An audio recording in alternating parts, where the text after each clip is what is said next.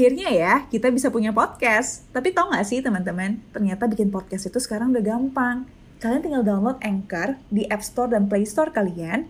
Kalian bisa mulai record podcast episode pertama kalian langsung di aplikasi tersebut. Bahkan kalian juga bisa edit podcast kalian langsung. Melalui Anchor, podcast kamu akan didistribusikan ke podcast streaming platform seperti Spotify, Apple Podcast, dan lain-lain. Dan yang pasti gratis. Yuk download aplikasi Anchor di apps dan Play Store kalian atau kunjungi www.anchor.fm. Selamat bikin podcast. Hey, welcome back. Semoga belum bosan ya cerita-cerita sama aku.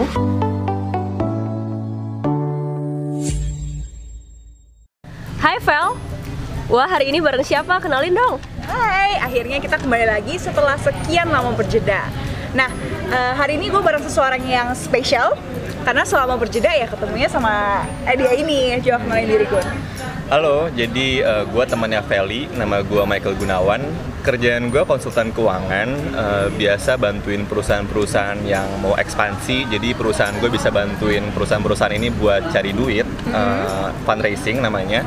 Atau mungkin juga bisa bantuin perusahaan-perusahaan yang kesulitan untuk uh, restrukturisasi utang mereka. Mostly kebanyakan sih kesulitan buat bayar utang, Bayar atau utang. mungkin karena penjualannya menurun juga. Jadi uh, susah tuh buat bayar supplier, apalagi buat bayar bunga. Wah kedengerannya keren ya. Terus terus ceritain dong selama berjeda ngapain aja kalian? Nah, selama hampir tiga bulan berjeda, kita tuh persiapin untuk ujian CFA level 3. Ini level yang terakhir ya. Iya. Eh, mungkin sebelumnya kita boleh jelasin kali CFA itu apa. Oke boleh. Em, jadi CFA atau Chartered Financial Analyst itu salah satu sertifikasi di bidang finance yang paling bergengsi lah ya, bisa Ya, dibilang. ya, makanya kita ambil kan. Em, dan kalau kalian cari tahu sebenarnya sertifikasi finance ini banyak banget. Ada CFA, ada CPA, ada FRM, atau kalau buat financial planner yang sekarang lagi banyak nih di Instagram setahu Oh gua. iya, financial Itu, advisor gitu hmm, ya. Biasa itu ambilnya. CFP atau Certified Financial Planner. Planner. Eh, ada pokoknya banyak banget. Untuk Eh, technical analysis ada juga CTA, Iya. FT, banyak banget lah bingung lah sebenarnya. pokoknya. Oh, Oke. Hmm, dan CFA ini yang paling dikenal lah di eh, di profesional profesional yang bergerak di bidang investasi dan Atau pasar- keuangan. pasar atau pasar modal. modal ya. Oke, jadi banyak banget ya sertifikasinya. Terus dari sekian banyak sertifikasi, kenapa sih kalian milih CFA? Kenapa nggak ambil S2 aja, misalnya MBA atau apa yang sejenisnya gitu? Gue dulu. Iya, boleh. Jadi eh, waktu itu gue pertama kali kenal atau denger CFA itu pas gue masih kuliah. Eh, kebetulan kampus gue mendukung eh, jurusan finance buat pada ngambil nih CFA. Eh, pada akhir pada waktu itu gue akhirnya mutusin buat ngambil CFA ini karena gue pengen dapetin global recognition.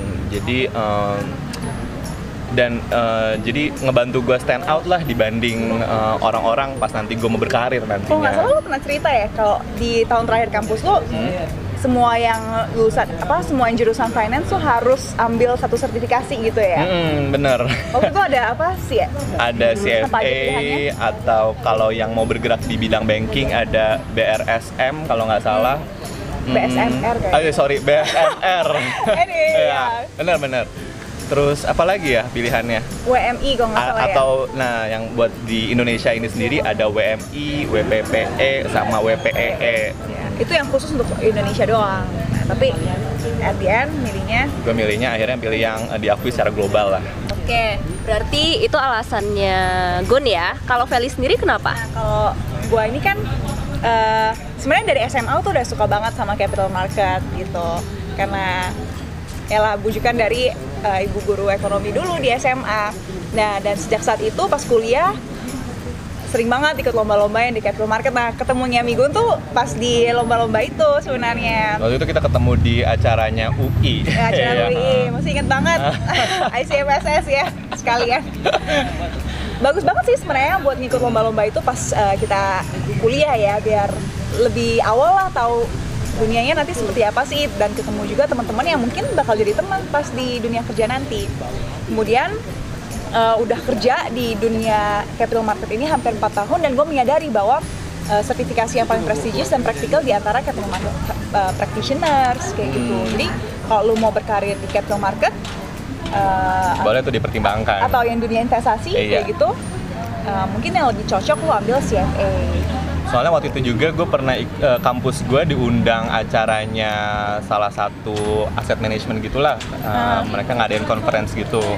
Terus gue lihat tuh list-list eh, portfolio manajernya atau orang-orang yang ngelola aset ini semuanya hampir hampir semuanya punya gelar CFA di nama Oh ya? mereka. Oh, oke. Ah, jadi kayak oh ya udahlah gue ambil juga. Iya, iya. Dan kenapa mungkin nggak MBA Finance ya? Atau nggak S2 gitu? Eh, S2 Finance? Enggak, gue nggak mau finance sih. karena gue merasa gue CFA itu udah, Udah menggantikan ya, menggantikan. Em, karena as simple as kalau MBA kan kita harus ini ya full kuliah nggak bisa kerja nggak dapat pengalaman segala macam. Padahal sepengertian gue di dunia ini sangat penting nih pengalaman. Belum tentu Benar. kita dapat CFA kayak gini kita bisa jadi apa ya langsung expert analis atau yang mengelola dana yang menghasilkan return lebih baik dari yang lain Oh, tuh definitely not. Dan itu dilarang tuh. Tidak boleh mengklaim seperti tidak itu. boleh mengklaim seperti itu. Karena eh, balik lagi ke pengalaman sih kayak gitu. Tapi eh, itu kita bisa ambil gelar sambil kerja juga. Jadi punya gelar punya pengalaman. Oke, lalu kalau prosesnya CFA itu sendiri gimana sih?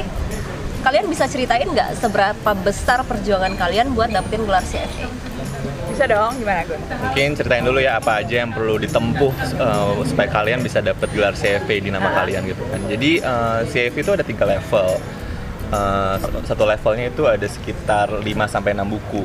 Nah, kalau dari uh, CFA sendiri sebenarnya menganjurkan persiapan tuh kurang lebih 300 jam per levelnya. Oh. Biar kalian bisa bayangin aja lah. 300 jam eh oke 300 jam Dan kalian harus punya pengalaman kerja di bidang finance minimum 4 tahun supaya bisa pakai itu gelarnya.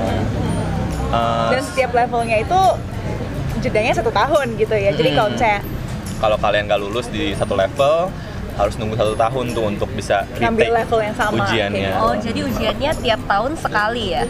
sekali level 1 dua kali di bulan Juni sampai Desember kalau level 2 level 3 tuh setahun sekali Oh, oke.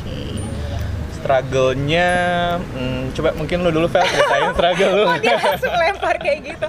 Oke, eh, kalau menurut gue sepanjang gue hidup 23 tahun ini ya, eh, CFA itu benar-benar hal yang paling susah yang pernah gue lakuin sih untuk gue dapetin gitu. This is the thing kayak I, I sacrifice the most, I fight for the most gitu. Ini kayak jauh sekali dibandingkan skripsi lah atau eh, di kerjaan lah atau di kuliah segala macam.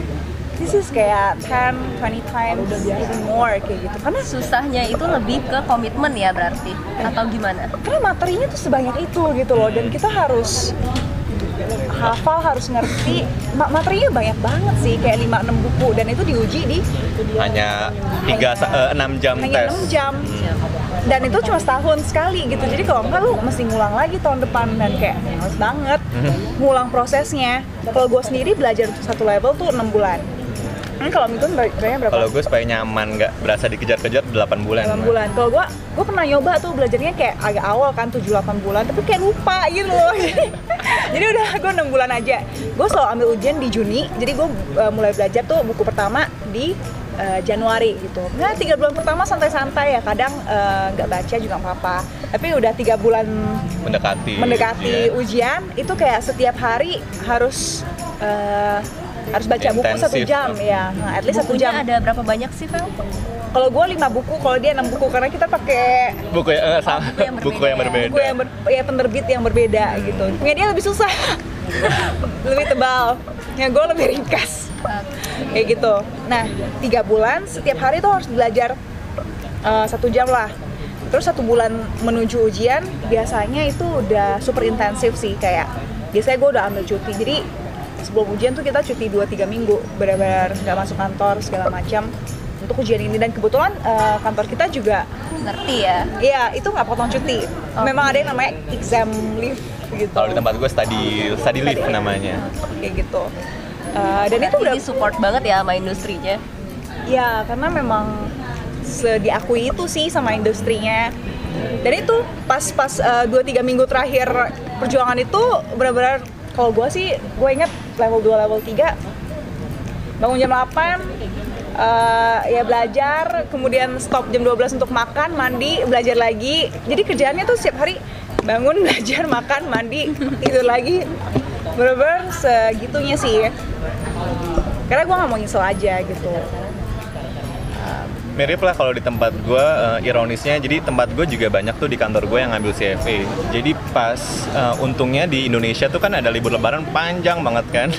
Nah uh, kita Dan bulannya pas ya. bulannya pas tuh sebelum ngambil ujian. Ironisnya tuh uh, teman-teman gue termasuk gue sendiri yang ngambil ujian uh, itu kayak wah untung ada libur nih kita bisa belajar. Jadi kayak seneng ada liburan tapi untuk belajar. Iya memang. Jadi lebaran kita selalu habis untuk ya semoga kemarin ada lebaran terakhir yang kita pakai untuk belajar ya semoga ini terakhir Amin. Kalian bisa share nggak satu pembelajaran CFA yang menurut kalian relatable banget nih buat kita-kita yang lagi nonton video ini? oke Um, kalau gue mungkin di level 3 kemarin ya, jadi ada satu topik uh, namanya behavioral finance. Jadi itu kayak ngegabungin ilmu finance sama ilmu psikologi. Karena sebenarnya finance tuh katanya lebih ke art, eh, lebih ke art gitu daripada science. Jadi ada satu sifat dasar manusia, sifat manusia uh, yang um, berpengaruh banget di dalam kegiatan investasi. Uh, namanya loss aversion. Jadi uh, ada nggak sih di antara kalian yang kalau misalnya lagi uh, investasi masukin duit ke saham, Akhirnya ya, kita bisa punya podcast. Tapi tau gak sih teman-teman, ternyata bikin podcast itu sekarang udah gampang. Kalian tinggal download Anchor di App Store dan Play Store kalian. Kalian bisa mulai record podcast episode pertama kalian langsung di aplikasi tersebut. Bahkan kalian juga bisa edit podcast kalian langsung. Melalui Anchor, podcast kamu akan didistribusikan ke podcast streaming platform seperti Spotify, Apple Podcast, dan lain-lain. Dan yang pasti gratis. Yuk download aplikasi Anchor di apps dan Play Store kalian atau kunjungi www.anchor.fm. Selamat bikin podcast. ketika uh, saham itu akhirnya bergerak naik, wah kita merasa wah harganya sudah tinggi banget nih, kita harus jual, take profit. Iya, take profit. Terburu-buru ya. Hmm, seneng seneng dong kan Karena udah. mau ambil untungnya nih Iya. sebelum dia Tapi bahayanya sebaliknya, pas uh, saham yang kita pegang itu lagi turun, kita malah kayak uh, kita pegangin terus tuh saham kayak ah nanti bisa balik lagi lah. Jadi kalau naik kita jual, kalau turun malah kita Malah kita pegangin. terus ya. Padahal Sell- sebenar- ya, padahal- sell winners, hold losers ya. Hmm. Padahal sebenarnya kan kalau bisa saham yang kita pegang lagi naik, kita pegang terus tuh. Sedangkan kalau sahamnya yang kita lihat, oh sudah tidak ada potensi lagi masa depannya, kita cut losses. Cut your losses short kalau nggak salah. Aha. Iya emang seharusnya seperti itu Iya. ya. mm. Eh, Nah, terus gi- gimana gimana cara mengatasi sifat dasar manusia yang Seperti eh, itu. Seperti ini. Karena Em, gue juga mungkin sering kayak gitu ya. Gue juga dulu kayak gitu. Eh, sekarang juga mungkin masih. Sekarang juga masih. Eh, emang itu eh, sifat sifat manusia jadi nggak kayak kita bisa langsung menghindari gitu kan jadi langkah pertama sebenarnya menyadari dulu nih kita cenderung untuk denial kayak ah nggak lah gue nggak kayak gitu Iya, iya. Begitu kalian udah menyadari atau paling nggak berusaha untuk menerima bahwa oh gue juga kayak gitu eh, di kemudian hari ketika misalnya investasi kita atau saham yang kita pegang lagi turun banget nih eh, kita bisa berusaha untuk bersikap lebih rasional. Eh, rasional seperti Ah, apa? iya, nah gimana? jadi misalnya kalau saham yang kita pegang lagi turun nah kita kembali bertanya eh, ini yang kita saham perusahaan yang kita pegang ini turun karena eh, gosip-gosip pasar jang- eh, atau atau eh, penurunan yang bersifat temporary apa jangka pendek atau memang ada perubahan secara fundamental yang akan mengganggu prospek ke depannya. Nah kalau misalnya eh, analisa kita di awal masih eh, benar, maksudnya masih oh ini prospeknya masih bagus, bisa tuh sahamnya kita pegang lagi, pegang Makanya terus. setiap kali kita mem- membeli saham gitu lah Hmm. in particular, kita harus punya alasan ya kayak Hmm. kenapa kita beli saham ini. Dan alasannya harus sesuatu yang fundamental lah ya sebenarnya ya. Jangan ya, intinya Jangan sih ikut-ikut. jangan ya kayak ikut-ikut pasar Ah, gitu. ah, ah. Atau cuma baca-baca share di WhatsApp kayak gitu-gitu. Telegram Oh, gitu. Telegram itu. Iya. Banyak tuh yang namanya apa pom-pom bener. Oh iya, gue baru dengar. Iya ya, banyak lah grup-grup yang kayak gitu kan. Oke, thank you Gun. Kalau dari Feli sendiri yang paling relatable apa pelajarannya? Nah, kalau dari gue sendiri adalah sama pelajaran di level 3 itu eh, materi concentrated asset gitu ya. Nah, selama ini kalau di dunia finance atau di dunia investasi kan kita diajarkan nih kata Warren Buffett lah ini itu bahwa don't put your eggs in one basket harus diversify jangan taruh cuma di saham doang gitu which is yes Bener. untuk make yourself tuh kayak financially secured. Tapi kalau misalnya you wanna go to the next level, diversification is not the way. Lo harus jadi untuk menjadi kaya, lo tuh harus make a bet, put your asset tuh in one concentrated class. Misalnya saham gitu, you go all the bet Hmm. on that stock. It's either you make it or you break it gitu. Kalau misalnya you make it, lo akan upgrade your uh, self Finance. into into next class kayak gitu. Tapi kalau enggak, bukan lo jadi miskin sih makanya uh, aset yang lo taruh di yang lo make a bet itu di satu concentrated aset ini Iya. harus uang berlebih yang kalau misalnya uang ini hilang ya lo nggak akan kenapa-kenapa Uh, kayak gitu. Jadi lo harus pakai excess capital lah. Makanya waktu itu kita juga dapat pelajaran tuh uh, untuk mengakses uh, dari mana sih orang-orang ini mengumpulkan wealth-nya atau kekayaannya. Uh, kalau misalnya entrepreneur berarti dia mengambil resiko yang tinggi uh, di startupnya untuk membangun bisnis. Itu juga bisa disebut concentrated Aset, capital. ya. Jadi kayak si entrepreneur tersebut uh, memasukkan ham- hampir seluruh kekayaannya untuk membangun bisnisnya. Atau bisa juga um, Di Di properti. properti sama saham sih ya. paling umum di properti sama saham. Nah saham ini kan nggak harus selalu yang perusahaan terbuka ya, bisa juga kayak di perusahaan kecil startup yang kita yang Oh, iya, kepemilikan entrepreneur kita, itu bangun. ya. Soalnya kalau emang kalau diperhatiin sama orang-orang yang sukses, atau Sukses yang di- wealthy gitu lah, yang wealthy. kekayaannya banyak, mereka Uh. eh, punya tuh eh, investasinya banyak teralokasi untuk Ini kayak dia ada alasan kayaknya tuh karena apa gitu. iya bener. Gak ada yang kaya kena reksadana kayak gitu sih. Jarang. Jadi Bener-bener. punya reksadana untuk financially secured, tapi kalau mau kaya, reksadana is not the way I'll say that. Gue pengen tanya nih, kalian ada cara-cara tersendiri nggak sih buat investasiin uang kalian? Mulai dari Feli dulu deh. Oh, Ya boleh. bukannya dari Wigun dulu ya Nggak ada? Feli dulu. Oke. ya udah kalau gue sendiri, eh, misalnya dari 100 nih eh, penghasilan gue setiap bulan, eh kenapa mulai dari 100 gue? juta ya. dari 100% misalnya dari 100% Eh, sekitar 40% konsumsi jadi sekitar 60% gue bisa save 60% itu dibagi ke mana aja sih? nah 60% di save itu uh, gue nggak nggak ini ya nggak kayak oh harus selalu dari 60% ini 50% reksadana 50% apa gitu gue karena gue lumayan mengerti pasarnya gitu jadi gue akan lihat uh, opportunity-nya gitu sih kayak kalau ke depan uh, lagi oke, agak oke. jelek nih saham sama reksadana saham gitu ya yang ngapain gue masukin sana aduh kayaknya agak uncertain deh. Gitu gue mungkin lebih masukin P2P lending bisa semuanya atau kayak gimana. Dari 100% aset gue yang gue punya sekarang tadi kan dari ini kan income gue kan 100% gimana alokasinya. Sekarang eh, dari income yang gue alokasiin setiap bulan kan ada kan jadinya aset aset base nya gitu ya. Nah kira-kira per sekarang aset gue tuh terbagi lebih banyak eh, reksadana sama P2P lending. Jadi reksadana tuh masih sekitar 40%, P2P lending juga 40%. Eh, sisanya tuh saham sama obligasi. The main reason kenapa reksadana gue tetap lebih banyak dari saham adalah sebenarnya karena tempat kerja gue sih. Jadi ada regulasi yang eh, kalau kita mau beli apa jual saham, gue harus minta approval dari bos di kantor, kantor, dan ya. bos di Hong Kong kayak gitu. Jadi serempong itu. Walaupun gitu loh. walaupun kecil gitu tetap harus lapor. Lu beli satu lot aja tuh gue mesti lapor. Oh ya? Tuh. Kalau reksadana nggak mesti kayak gitu. Gak mesti cuma saham doang karena ya itulah karena kan kita researchnya Regulasi eh, ya. saham- ya karena regulasi dari kantor sih sebenarnya. Kalau dari? Gun sendiri? Kalau gue, eh, kalau gue kan pakai sistem budget nih, jadi sebisa mungkin tiap akhir bulan begitu terima gaji, udah gue bagi-bagi tuh. Ada yang untuk pengeluaran bulanan gue, ada yang untuk investasi. Nah, eh, untuk pengeluaran bulanan gue tuh biasanya paling bensin, eh, makan-makan kalau eh, satu minggu, kemudian uh, nge-gym. ya. nah, nge-gym.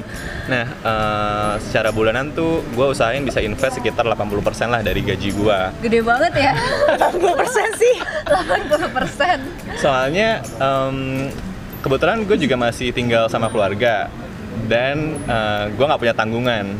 Jadi pengeluaran gue ya hanya untuk diri gue sendiri, nggak Oh. untuk adik atau siapa gitu. Pacar mungkin nggak ada biaya. Nah, nggak ada juga nih pacar. Oh gitu. Jadi gue lagi nonton.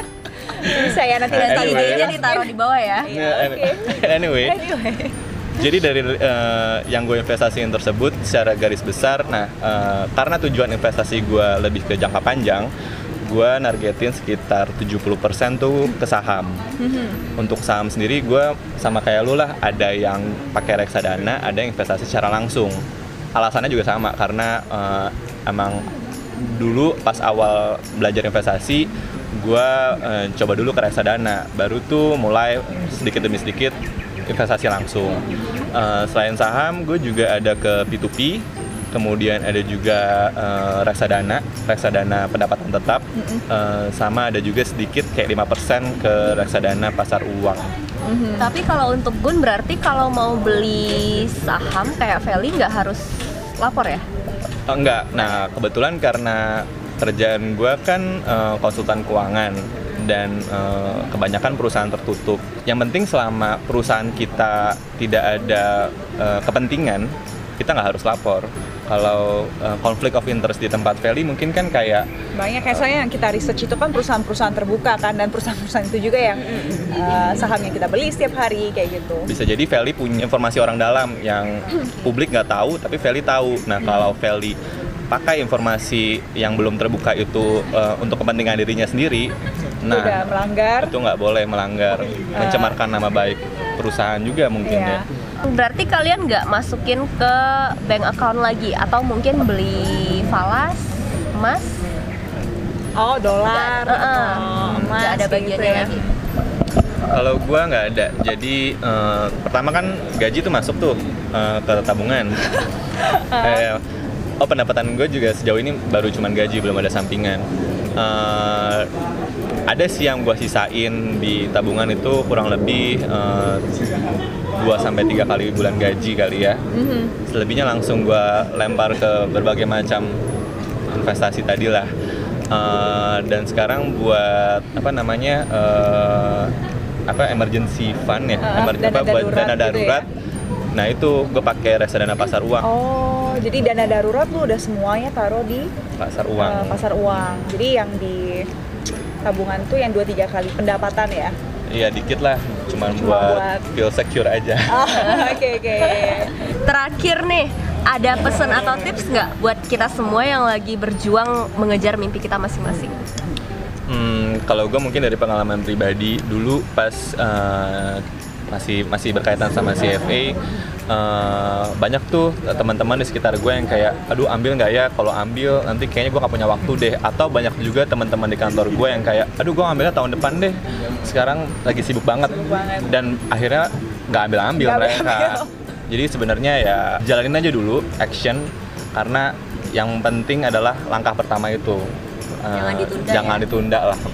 Benar kalau lo gimana Fel? Kalau dari gue sendiri mungkin yang relevan sama perjuangan untuk dapetin CFA ini, gue menyadari gue nih orangnya nggak yang oh, pinter-pinter banget gitu. Masa Jadi gue mencari orang kayak Nggak, dia pinter banget. Biar nggak dia pinter banget.